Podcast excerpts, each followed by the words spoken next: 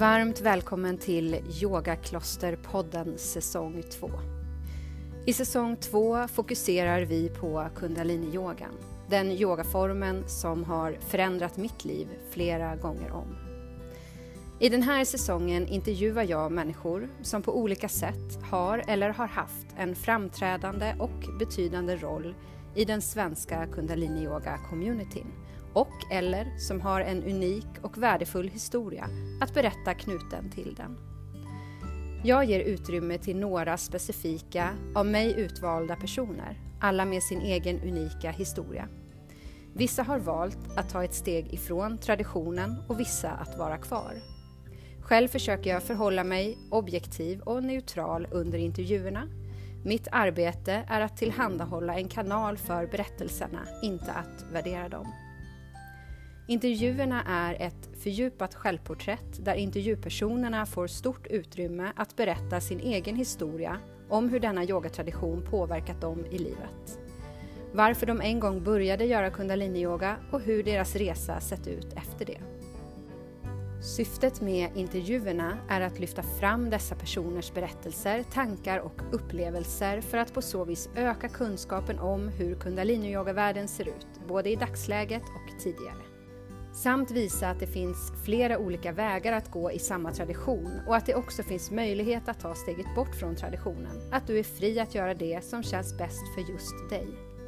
Jag tror på att människors berättelser gör att vi kommer närmare varandra och får mindre fördomar mot varandra. Jag hoppas att jag med de här intervjuerna kan skapa ökad kunskap samt förståelse och ödmjukhet för allas våra olikheter de riktar sig främst till dig som på ett eller annat sätt har en anknytning till kundaliniyogan.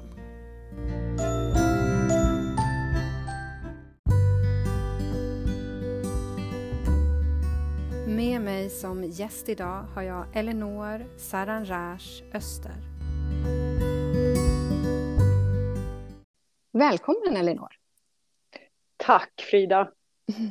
Det är jättefint att, att ha dig med och få möjlighet att intervjua dig. Det är jätteroligt att få bli inbjuden och eh, ja, få prata om det som är angeläget just nu i kundalini-yoga-världen. Mm. Eh, du är ju bland annat ordförande i SKY. Eh, jag tänkte att innan vi går in på din egen resa och så här i kundaliniyogan, har du, vill du berätta lite vad SKY vad föreningen, vad föreningen gör, vad de har för uppdrag? Ja, SKI är då Sveriges kundaliniyogalärares riksförbund. Så vi är en eh, ideell eh, förening för KRI-certifierade kundaliniyogalärare. Mm. Och föreningen är, har som syfte att, att vara en, ett forum för nätverkande och vara en informationskälla eh, både inåt och utåt mot eh, allmänheten och eh, för medlemmar. Mm. Och du är ju ordförande i SKI, jag vet inte om jag sa det, men det är ju ditt uppdrag. Ja, det stämmer. Jag har, det är mitt femte år som jag sitter som ordförande. Mm. Jag tänker att många som lyssnar kanske inte riktigt vet eh, skillnaden. Nu tänker jag på huvudorganisationen eh, i KYTA eh, och att man inte kanske vet skillnaden på IKYTA och KRI som man ibland hör. Eh, har du möjlighet att beskriva lite vad, vad de två olika organisationerna är för någonting? Ja, precis. Jag ska, jag ska göra mitt bästa. Ja. Eh, jag kan börja med SKY då som kallas då som en nationell kundalini-yoga-lärarförening. Mm. Och eh, då har vi möjlighet att samarbeta med IKITA, som vi kallar det för IKTA. Mm. IKITA är då den internationella kundalini-yoga-lärarföreningen. Mm. Så den samlar och eh, står för nätverkande och eh, utveckling och information sinsemellan lärare världen över. Mm. Så det som vi gör som en nationell förening gör IKTA som en global förening då. Mm. Och eh, KRI är ju en egen organisation som förvaltar kunskapen kring eh, kundaliniyoga och ser till att eh, ja, eh, bereda för att kunna lära ut, Eh, att skapa teacher trainers som det heter då, lärarutbildare och att också certifiera de som läser till lärare. Um, ibland under intervjuerna som jag gör så kommer också ett namn som är 3HO upp. Uh, vill du berätta lite kort bara vad 3HO står för och, och, vad det är så att de som lyssnar har lite förståelse för, för det begreppet? Ja, eh, det finns eh, vi, säger ju ofta organisationerna eh, som Yogi Bhajan eh, skapade kring sig och de är många. Eh, KRI är då den som förvaltar själva eh, lärarutbildningarna och iktar den här lärarföreningen. Eh, medan 3HO är som en mer, ja, som de kallar för community.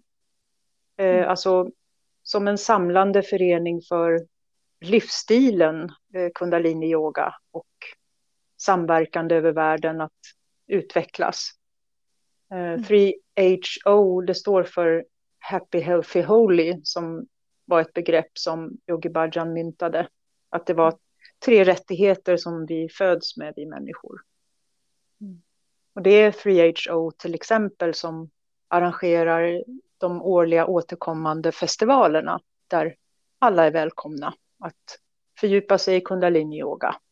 Mm. Ja, men vad bra. Då har vi rätt ut lite, lite begrepp.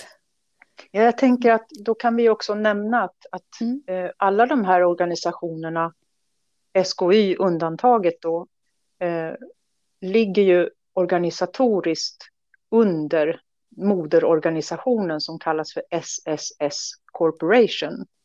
Siri Singh Sahib Corporation. Mm.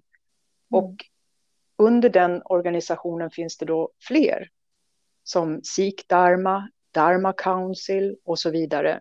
Organisationer som jag inte har eh, helt framför mig. Jag drog inte ut någon sån lista, men mm. det är många organisationer och en del av de här är eh, mer religiösa, vilket mm. har framkommit i den här senaste eh, turbulensen som har varit. Mm. Men du sa någonting med att eh, SKY är ett undantag från eh, den förgreningen ner från SSSC. Var... Ja, SKY är ju en helt svensk ideell förening. Mm. En helt vanlig förening som lyder under våra eh, lagar här i Sverige. Mm. Och sen har, så väljer vi med våra medlemmar att vara kopplade till IKTA. Så mm. att våra medlemmar kan vara medlemmar i IKTA på ett förmånligt eh, vis. Mm. Men det är inte så att eh, vad vi har på vår agenda och vad, vad, hur vi verkar är styrt uppifrån.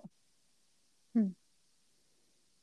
Det kan ju vara viktigt att, att veta att det är inte lika med ett tecken med Yogi Bhajans organisationer. Mm. Det här är ju ett eget initiativ i Sverige. Mm. Ja, men det är ju bra att du förtydligade det lite. Det är nog några som har börjat fundera kring de frågorna säkert.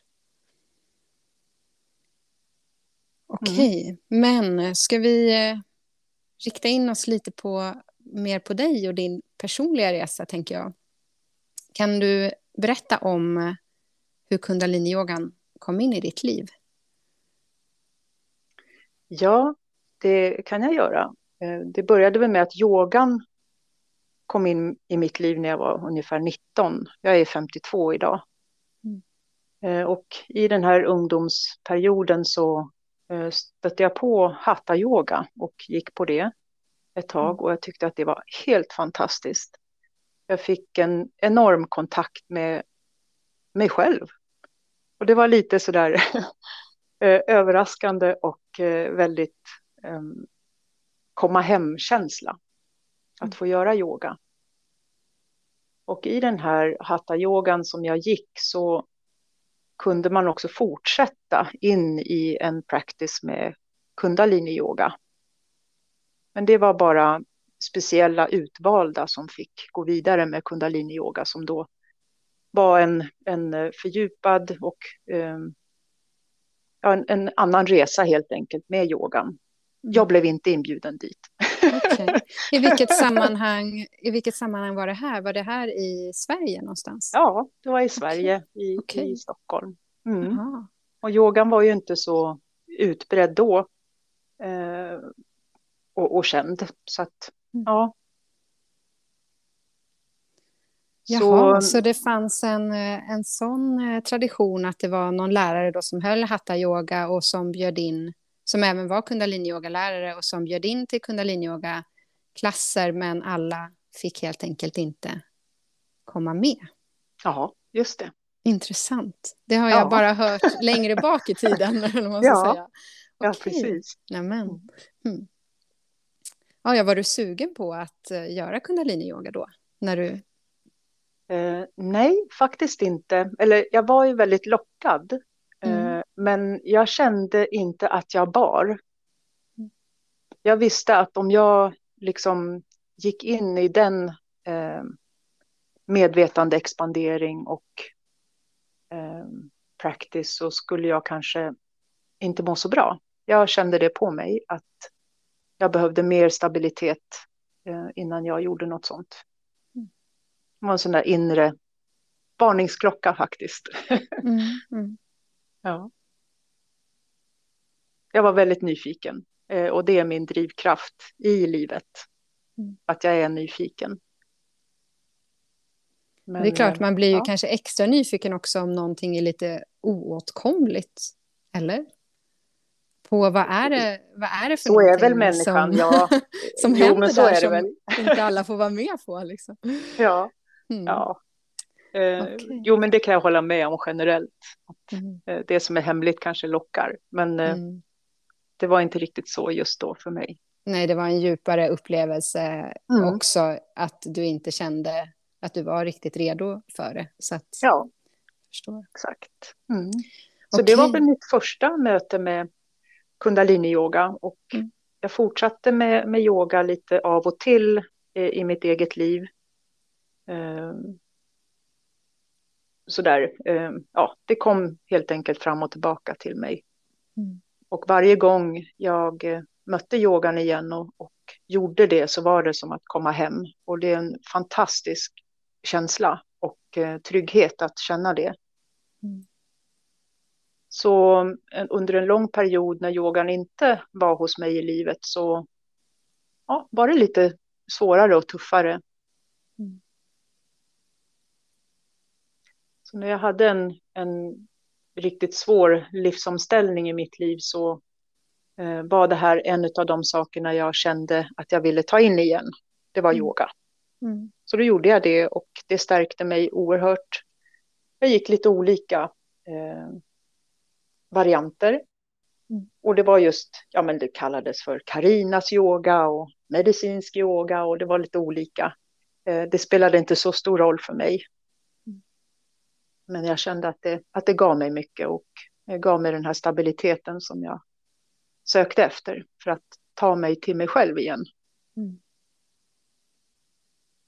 Och i den här eh, ja, livsomställningen som jag trädde in i så var jag väldigt eh, bestämd på att jag skulle leva yoga helt enkelt. Jag visste att det här Eh, är väldigt viktigt för mig. Och jag ville väldigt gärna bli yogalärare. Mm.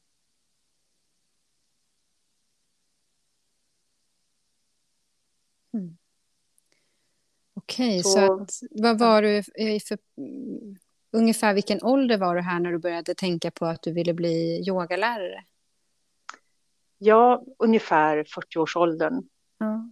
Bara för att se lite tidsmässigt så här. Ja, Ja, precis. Okej, men då, ja, men berätta om det. Du ville bli yogalärare. Hade kundaliniyogan kommit in där i ditt liv igen? Eller var det då som den tog plats?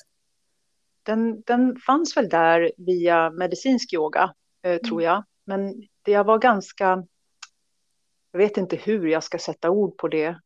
Ehm, jag var inte så ehm, intresserad av vad de olika yogaformerna hette. Mm. yoga kändes nog mer som ett stort paket för mig. Mm. Och ehm, jag gick väl mer på hur utbildningarna såg ut. Och först var jag ju helt övertygad om att jag skulle bli samma yogalärare. Jag hade mm. ingen aning om vad samma yoga var. Men de gjorde ju en del av utbildningen på Bali. Mm. Och då tänkte jag att ja, men det ska jag göra. Mm. Eh, och då hade jag träffat min eh, nya partner och ehm, eh, hon frågade lite sådär försiktigt att ja men vet du ens vad samma yoga är för någonting? Liksom. Nej, nej det vet jag ju inte då. du kanske skulle liksom ta reda på det och då tyckte jag att det var jättejobbigt. Mm. Varför ska jag ta reda på det? Kan jag inte bara få åka till Bali? ja, ja, men du hör ju, det här är ju liksom en, en väldigt, ja, eh, ska man säga, när livet tar en dit man ska, mm. utan att en själv gör liksom valen kanske sådär. Jag gör valen, men jag tror mm. jag får det presenterat framför mig från en, en mer själslig impuls. Liksom. Mm. Mm. Och då så lämnade jag samma yogan för att det, jag skulle inte till Bali längre. Mm. Och eh, snubblade över då Vivikas utbildning i Stockholm, Vivika och Maja på Kundalini yogacentret i, på Reimersholme. Mm. En utbildning som tog två år. Och det tyckte jag, det var ju perfekt. För att eh, jag vill integrera yogan i mitt liv. Så jag visste att eh, någon snabbkurs på tre månader eller sju månader eller ett år, det var inget för mig. Mm. Utan jag ville verkligen gå djupt och ordentligt in i det hela. Så då hittade jag den utbildningen. Så då mm. signade jag upp mig för det. Mm, okay. och då återigen då så frågade eh, eh, min nuvarande fru då, hon frågade mig, ja men kundalini-yoga då, vad vet du om den? och då säger jag, ja men vi får väl ta reda på det då. Och då mediterade jag lite med Nirvär Singh på eh, Youtube. Mm. Eh, som är en del av Free HO då. Mm. Inför att gå på vit tantra. Mm. Jag tänkte att ja, men ska jag veta någonting om kundalini-yoga så går jag på vit tantra. Wow, så du gick på vit tantra innan utbildningen? ja. Wow. ja. Den, som, den som känner till vit tantra förstår ju hur, hur liksom smågalet det är kanske. Men eh, det var så jag gjorde. Mm. Men när du, jag måste ju bara fråga då, när du kom där på vit tantra och såg de här långa raderna med vita turbaner och ja. vita sjalar, och ja. kände du, vad, vad, vad, vad, kände du när du kom in och såg det här? Ja, man kan väl börja med, man fick ju lite förberedelser.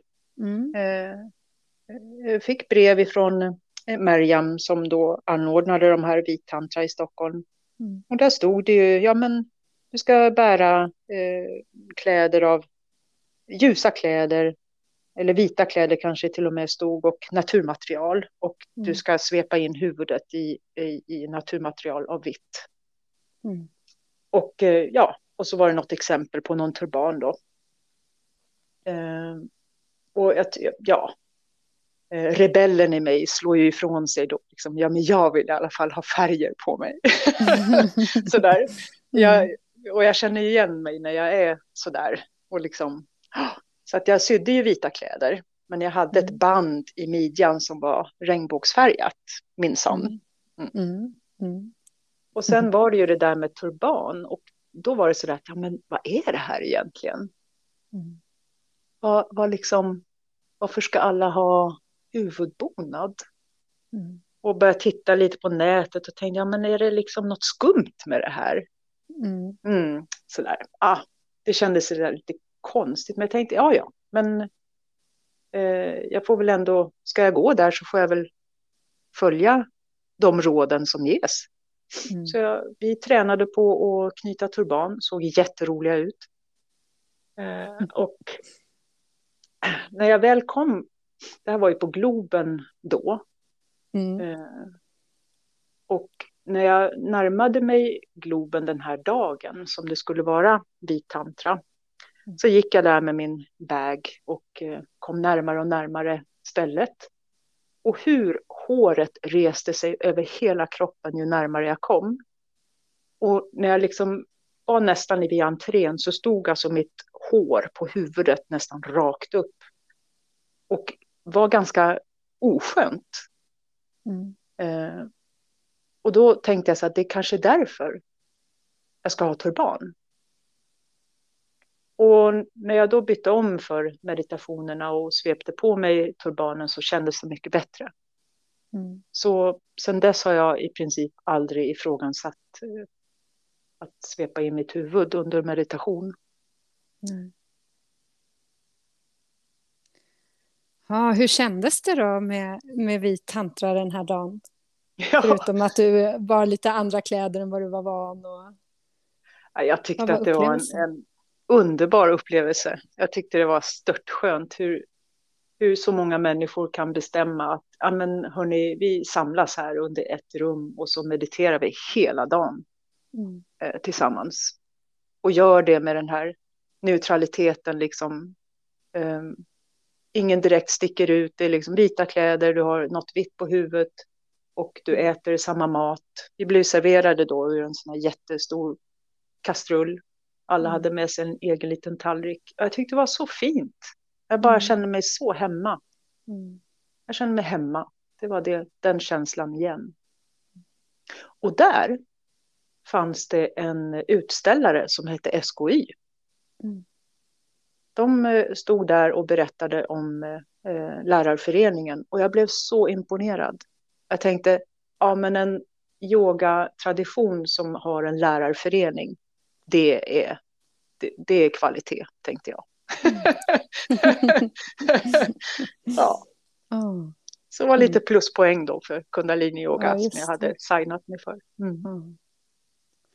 Okej, okay, ja, alltså då, men då kände du dig ändå trygg med att det var kundalini-yoga och att du skulle gå den här utbildningen hos Vivica och Maja? Ja, mm. precis. Eh, vad, är det, vad är det som, eller vad var det som fascinerade dig när du liksom började gå utbildningen och fick liksom till dig mer av kundaliniyogan? vad var det som fascinerade dig med kundaliniyogan då? Ja, det var nog att jag äntligen fick liksom riktigt förkovra mig i meditation och att möta mina egna motstånd och ta mig igenom dem det var så skönt att få göra det.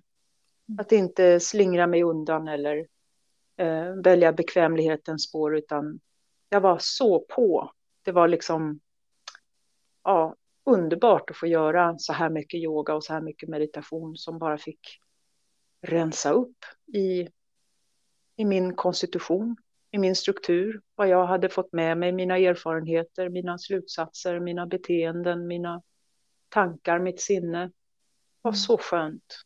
Mm.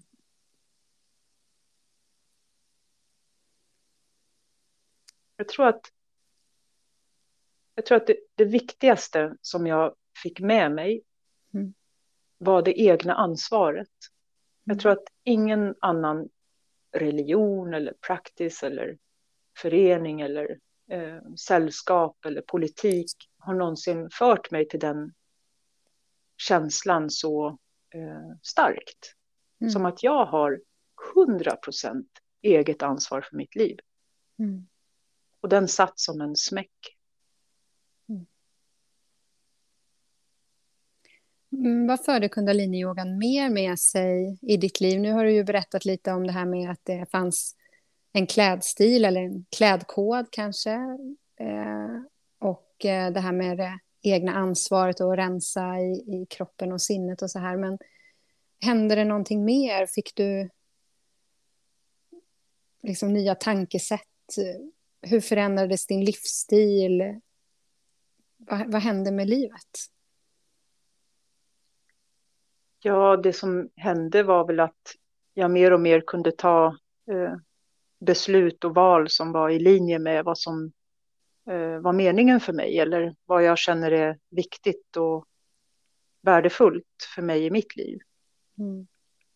Och det får ju naturligtvis jättestora konsekvenser på hur, ja, hur det ser ut runt omkring en i, i livet.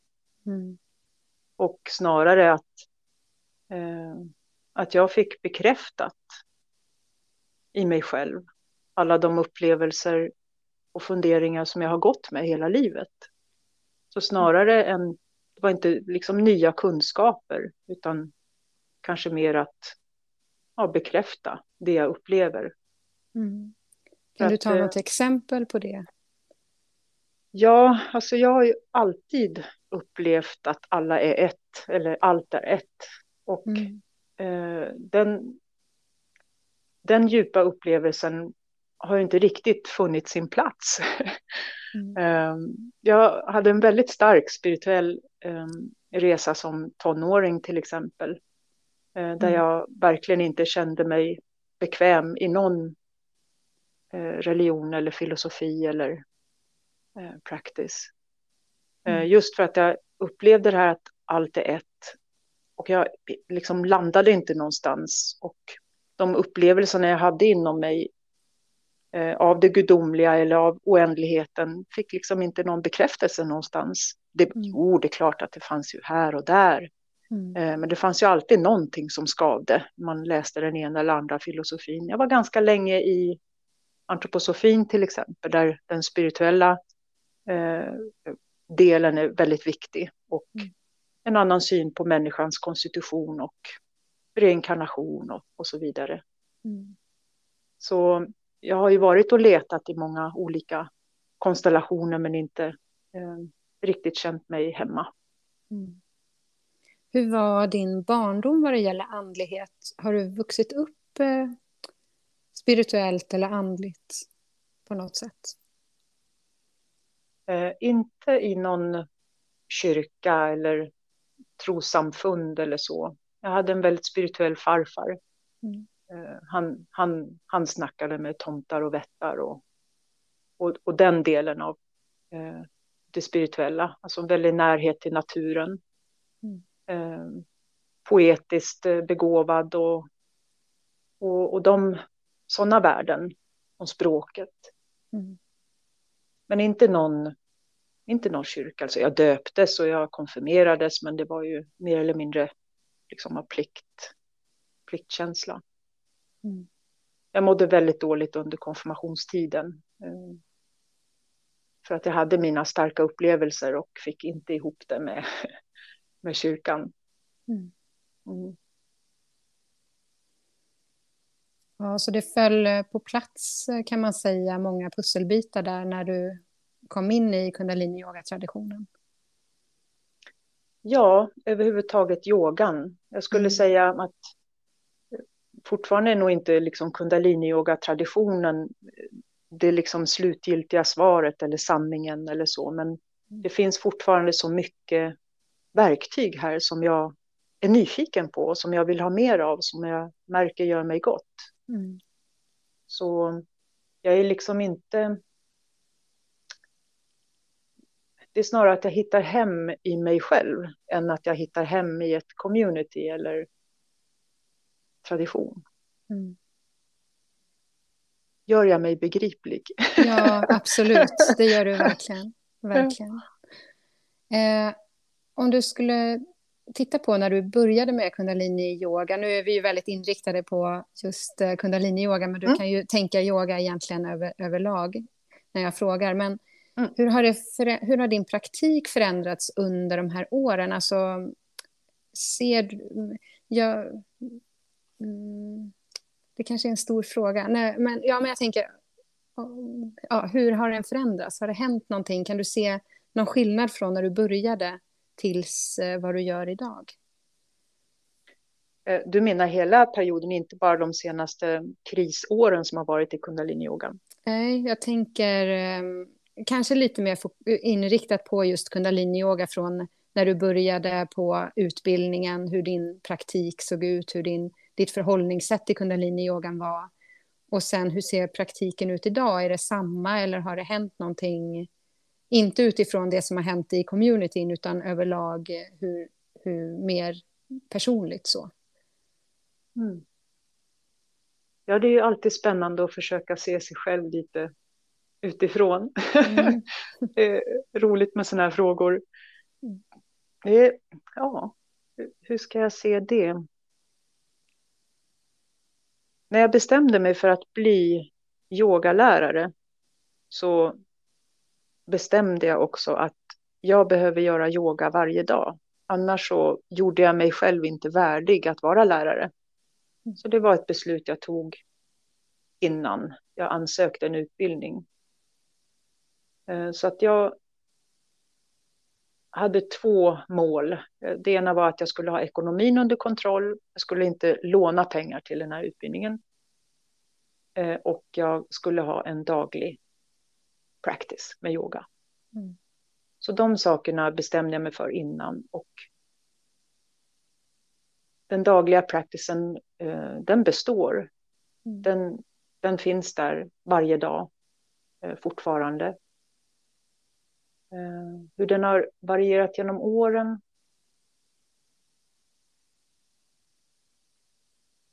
Ja.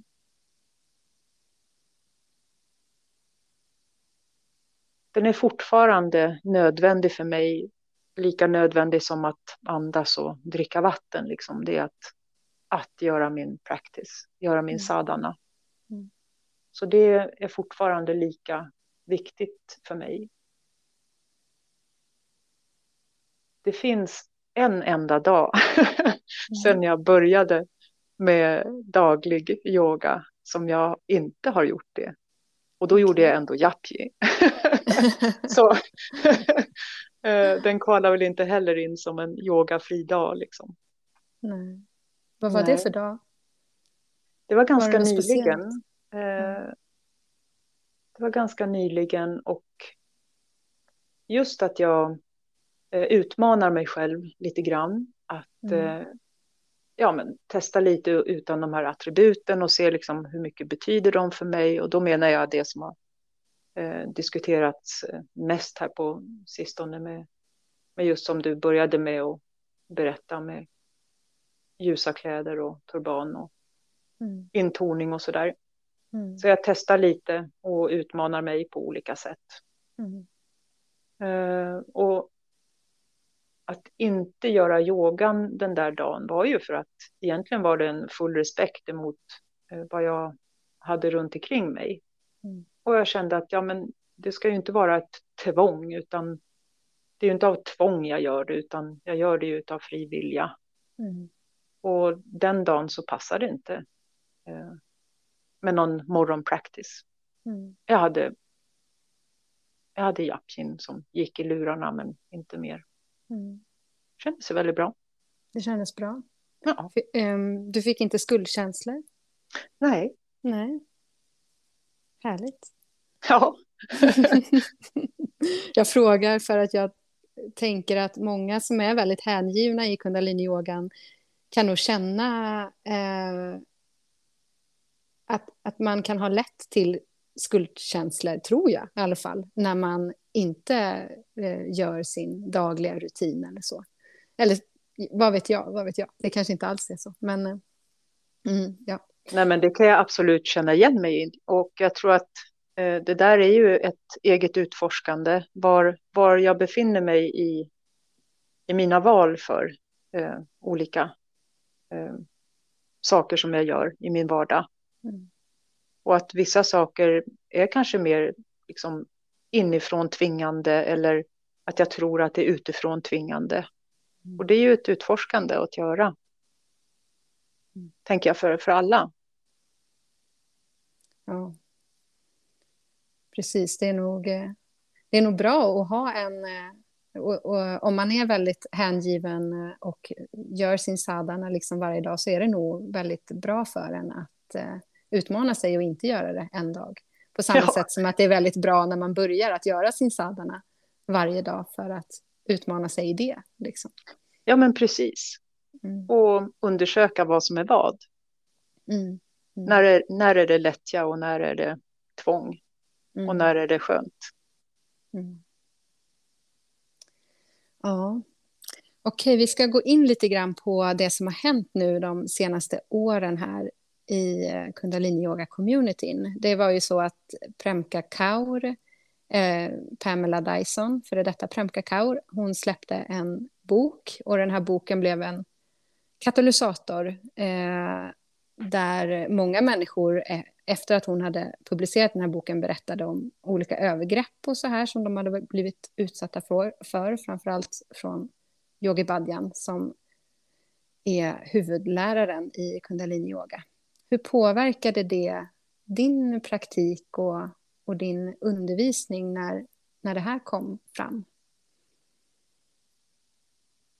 Ja, det, det ställer ju saker på sin ända när, när det blir så tydligt och um, um, att det uppdagas sådana oegentligheter som den här boken förde med sig. Så ett ifrågasättande, eh, en undran, vad är vad? Eh, är det min... Eh, är jag, gör jag någonting som är skadligt för andra? Är det någonting som jag är delaktig i som gynnar en sån här kultur eller... Ja. Är jag med i en organisation som ser till att sånt här kan hända? Eller är det mm. tvärtom? Är jag med i en organisation som eh, ser till att sånt inte händer i framtiden? Så det var ju väldigt mycket ifrågasättande. Mm. En kris helt enkelt. Mm. Ja. Blev du förvånad över att eh, Yogi Badjan hade begått övergrepp på människor? Både ja och nej. Um, jag hade inte någon egentlig eh, status på honom som befriad från sådana eh, beteenden. Så hade jag aldrig uppfattat honom tidigare. Sen kan jag ju tycka att det var väldigt onödigt. Mm. jag tyckte det var väldigt onödigt att, att, eh, att hans liv var behäftat med sådana eh, mörka sidor. Mm. Tyckte det var väldigt synd. Ehm, en, många pratar ju om att särskilja läraren från läran. Eh, hur, hur tänker du kring, kring det? Ja, men det tycker jag är väldigt klokt eh, mm. från början till slut att göra det. Att eh, skilja på läraren och det som lärs ut. Mm. Absolut. Kan man, göra, kan man göra det i det här fallet? Kan man ta bort eh, yogi badjan från kundalini-yoga? Finns kundalini-yogan kvar? Ja, det tror jag absolut. Det mm. här är ju... Sen, sen, är det ju mycket som kommer från just hans eh, anpassning till västvärlden. Eh, han har ju skapat alla dessa krior och meditationer. En del är, har äldre tradition och andra är ju eh, uppfunnet här i Vattumannens tid helt enkelt. Eh, anpassat för den här tiden vi går in i. Eh, men jag tror det är inga som helst problem att eh, koppla loss. Men det är ju praktiskt. Så uppstår det ju problem. Det är ju en, en strid detta i kundalini-yoga-världen just nu. Mm. Men för min egen del så ska nog alltid alltså alla lärare, ledare, politiker, eh, alla som har någon slags maktposition eller har en position där det kan finnas en maktobalans ska ju komma med en varning. Och det gäller alla. Föräldrar ska komma med en varning. Hur menar du med att komma med en varning? Eh, att alla som har en position där det kan uppstå en maktobalans mm. ska eh, vara extra varsam. Mm. Alla som befinner sig i en sån eh, hierarki eller position eller eh, kanske inte har satt sig själv där utan är utsedd till, till en sån position bör ju ge akt på en massa mänskliga sidor som vi har som inte ska ageras på. Mm.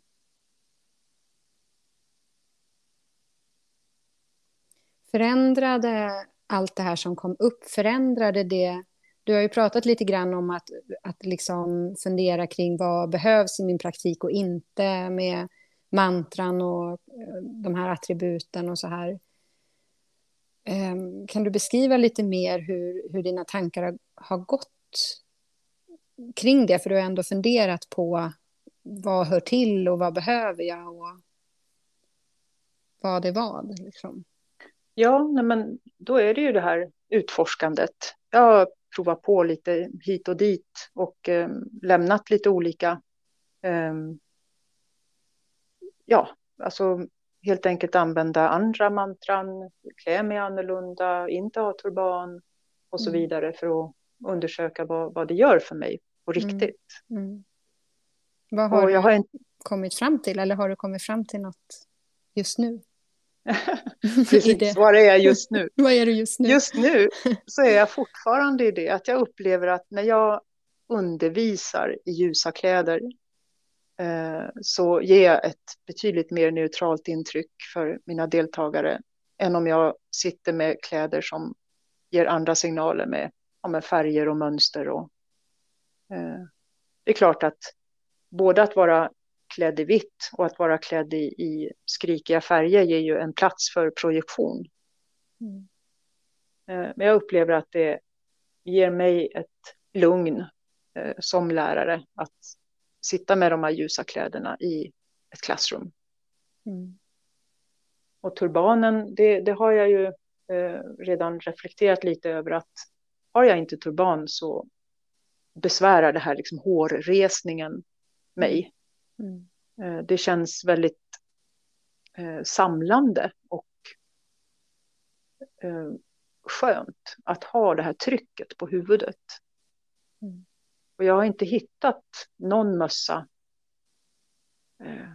eller band. Eller jag, jag, har inte hittat något annat sätt att, att ha på mitt huvud som ger den känslan som en turban gör. Mm tycker det är synd att turbanen är så förknippad med något religiöst attribut, för det är verkligen en väldigt skön eh, meditationsverktyg.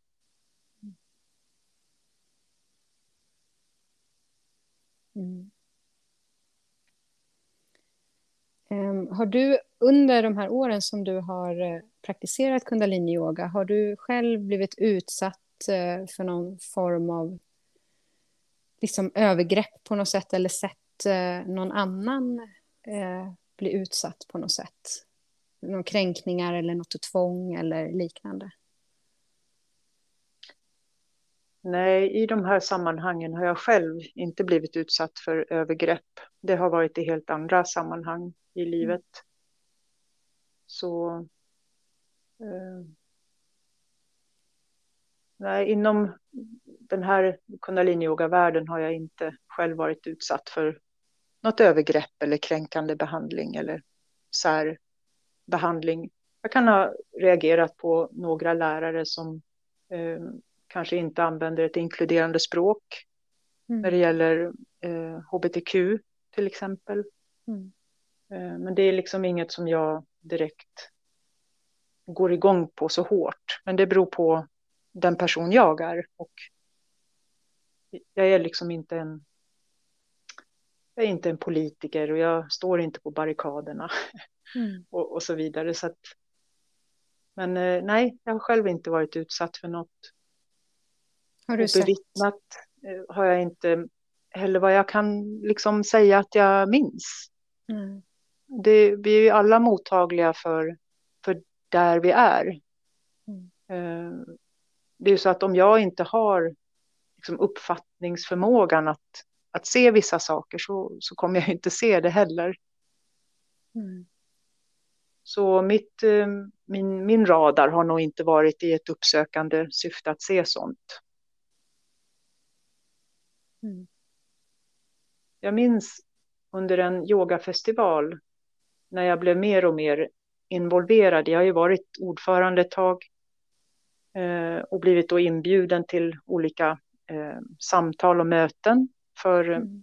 eh, ICTA då till exempel. Och eh, efter festivalen i Frankrike så, så är det liksom en uppsamlande eh, session, eller man ska säga, man äter lunch tillsammans, plötsligt vid dukade bord, mm. istället för att sitta på gräsmattan och bli serverad eh, de här eh, stora grytor. Mm. Som, det kändes alltid lite, jag gillade inte det eh, efter festivalen, att plötsligt sitta vid dukade bord som om eh, jag var utvald på något sätt till något finare. Jag, liksom, jag längtade tillbaka till mungbönsgrytan och sitta på gräsmattan. Mm. Jag förstod inte riktigt varför vi flyttade inomhus och hade en annan eh, miljö. Så det, det skavde lite i mig. Jag tyckte inte att det, det kändes inte trevligt. Mm. Och vid ett tillfälle så var det en av, eh, jag vet faktiskt inte vem det är eh, om du frågar mig, men någon av de äldre eh, manliga eh, förebilderna som, eh, som sa till mig att eh, you are the one to take over. Okay. Liksom. och, och du, you är ju både du och ni liksom. Mm. Och jag tror han menade att, att jag tillhör den generationen som liksom ska eh, ta över nu när de gamla lägger av. Mm. Och när han sa det så tryckte han mitt finger på mina revben. Okay you. Och det gjorde ju ont. Och det eh, är ju avsiktligt. Mm. Så det var en lite obehaglig händelse som, som jag var med om eftersom du frågar. Men mm. det var inget som jag har tagit upp med någon eller beskrivit för någon eller annat än att jag funderade över det och jag visste redan att jag var ganska obekväm i de här sammanhangen. Mm. Så att, jag tänkte inte fortsätta vara i dem helt enkelt. inte mm. på, med, med den eh, liksom, tonen eller det sättet. Mm. Eh, en del personer beskriver kundaliniyogan som eh, sekteristisk. Vad har du för, för tankar kring det här med sekt och kundaliniyoga? Ja, eh, det här är ju verkligen en gisslanfråga, det här med sekt. Att, mm. eh, men kundaliniyoga kan ju aldrig vara en sekt. Utan det handlar ju alltid om vad det är för sällskap eller grupperingar kring ett ämne eller en trosbekännelse eller en eh, religion eller vad, vad det nu är. Mm. Det är ju människorna som eh, skapar eh, vad säger man, samhället runt omkring som i så fall kan vara en sekt. Mm. Kundalini-yoga kan ju inte vara en sekt. Eh, om man sen tittar på de olika organisationerna som vi nämnde i början så finns det nog en del av de här eh, sällskapen som kan klassa in som mer sekteristisk som du sa. Mm. Eh, men jag vet inte om de uppfyller alla kriterier för en sekt. Nej. Mm. Men du tänker ändå att kundalini-yogan i sig själv som yogaform kan inte bli en sekt för att det är människor, det är människor i, i vilken konstellation man än befinner sig i så kan man skapa en sekt. Det är människorna i sig som, som skapar ja, ja. en sekt. Ja, mm. absolut. Mm. Ja, ja. Mm. Um, ja, jag tänker också att, att det skulle vara intressant att höra hur SKY arbetar just nu då med det som har, har hänt i och med allt det här som har kommit upp i kundaliniyogan. Hur jobbar SKY med det idag? Ja, eh, det var ju som ett, en ny agenda helt enkelt som sattes som prioritet där i februari eh, 2020. Mm. När, eh, när den här boken i januari hade släppts och att reaktionerna eh, blev så tydliga. Mm. Eh, och på ett sätt var det ju oerhört befriande att den här eh, rykten som hade funnits och funderingar och rädslor som hade funnits kring ifall det inte var helt rent mjöl i påsen här äntligen fick komma fram på ett riktigt sätt. Mm. Eh, för att eh, från och med januari 2020 så har det ju inte varit tyst. Mm. Eh, och det är väl det som ibland kan göra mig lite sorgsen i de här diskussionerna som är att det, det finns ingenting som tystas ner här nu längre. mm. Utan det är verkligen vidöppet och alla organisationer tog det här på största allvar att, att ta itu med det här en gång för alla. Mm. Varför känner du att det är sorg, sorg? Du sa att det var sorgset, eller förstod Ja, jag tycker att det ja, ledsamt att, att, ja. um, att organisationerna blir fortfarande beskyllda för att ha en tystnadskultur och för att mm. ignorera offren och, uh, och så vidare. Det finns ingenting av det i arbetet som pågår. Nej. Eh, däremot så kan det ju vara så att mycket av den informationen om arbetet som pågår inte når eh, alla de som är kritiska. Mm. Och sen kan det ju också vara att den som är djupt kritisk och kränkt inte heller har eh, att, att det som sker aldrig är tillräckligt. Så att den kritiken kommer alltid finnas kvar även om, om en eh, organisation vänder ut och in på sig själv så, så liksom är det inte nog. Mm.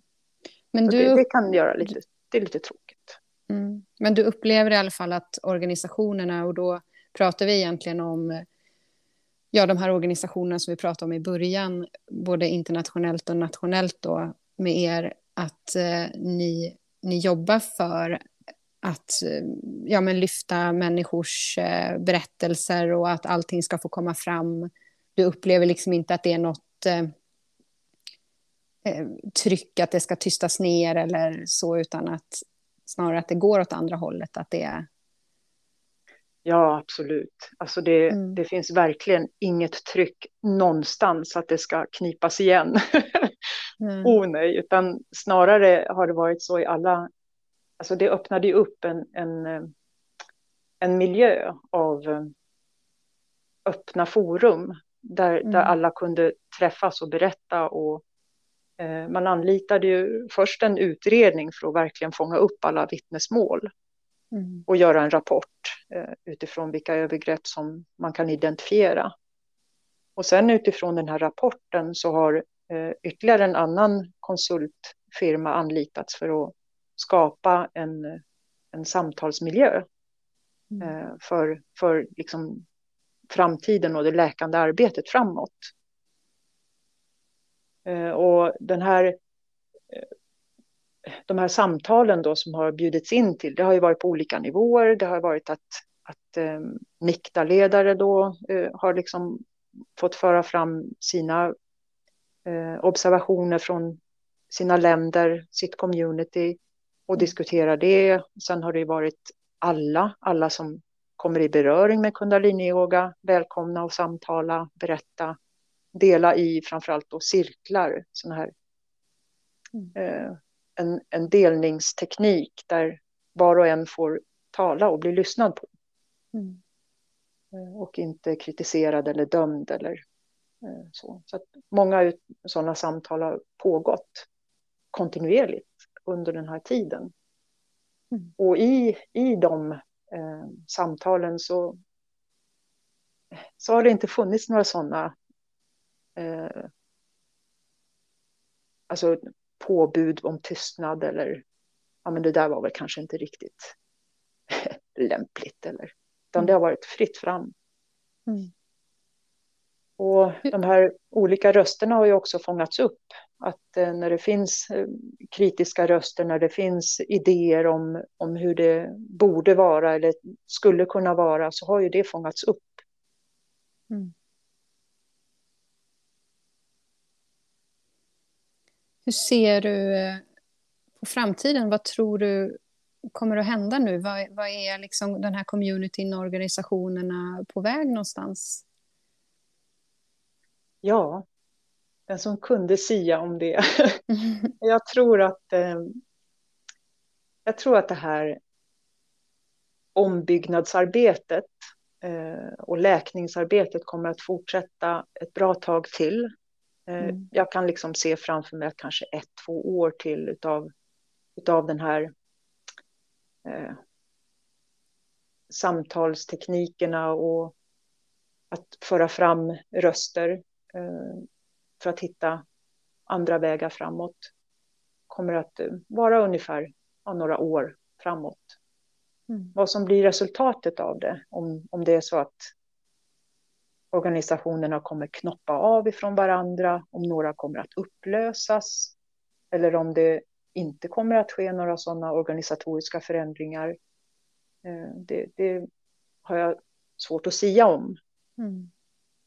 Jag tänker att SKI har ju en ganska tydlig ståndpunkt där och eh, en, en väg som vi vill främja. Och det är att kundalini-yoga får knoppas av ifrån Yogi Bhajans övriga organisationer.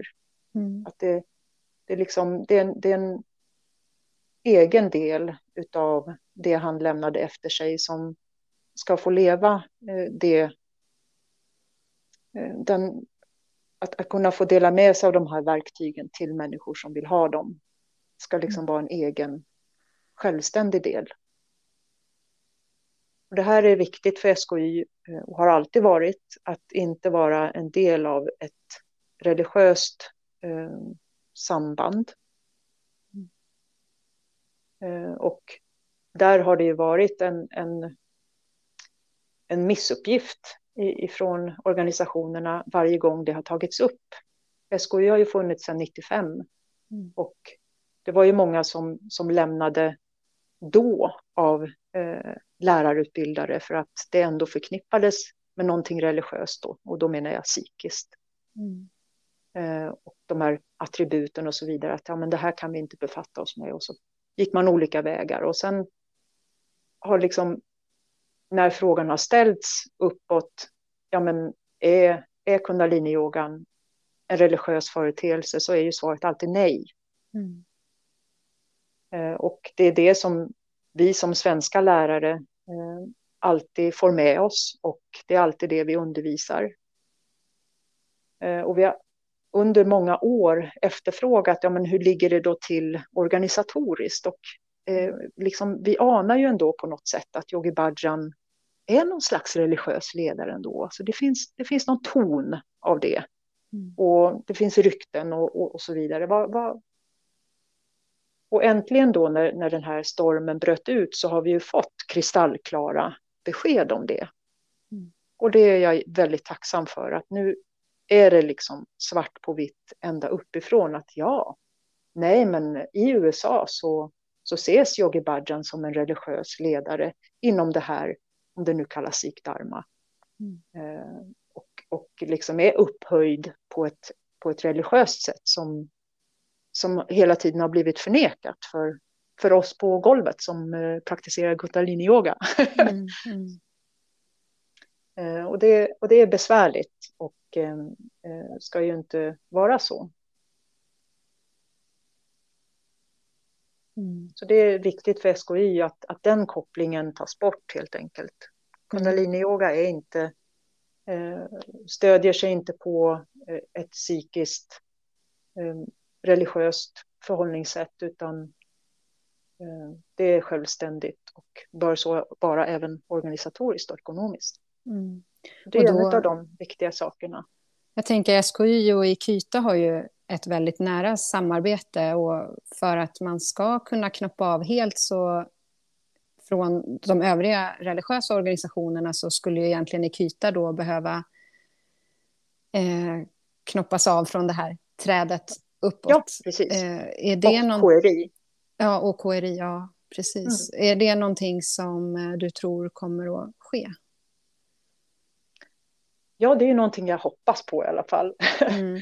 och eh, för mig eh, i min ja, i, i, min lärargärning och i min eh, position som ordförande i SKY så är det just eh, det som ligger mig närmast är ju KRI mm.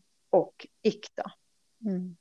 Eh, och längre än så liksom sträcker sig inte mina intressen eh, mina... Eh, alltså, ut, utöver de organisationerna så är det inte så mycket mer som jag behöver för att fortsätta lära ut kundaliniyoga, för att fortsätta berikas eh, utbildningsmässigt och att ha stöd av kollegor och så vidare. Så att det, det är väldigt eh, överblickbart med KRI och IKTA. Så jag mm. skulle önska att de föreningarna eller organisationerna fick stå självständigt. Mm. Det är många länder som, som eh, tycker det också. Och inte minst Kina som där religiöst eh, utövande är förbjudet. Mm. Så det är, det är inte bara Sverige som, som bär de här tankarna eh, med oss. Men det är inte på något sätt eh, okomplicerat. Det är en normalfördelningskurva på även detta.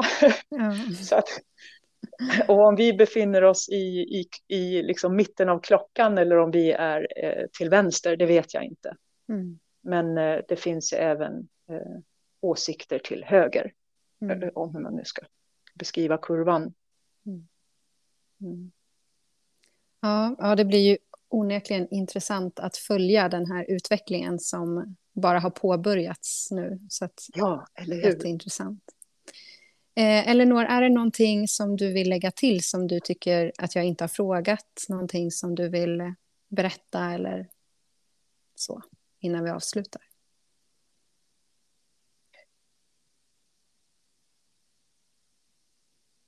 Ja, jag kan väl, jag kan väl bara eh, ja, berätta om min egen kärna i, i liksom förändringsarbetet framåt. Och det är ju med, eh, med kärlek. Alltså det finns, det finns ingen annan väg att gå. Eh, annat än att eh, rota i min egen kärlek till, till livet, människan och jorden och universum. Och det är bara där som vi kan hitta lösningar. Ja, klokt, klokt eh, slutprat.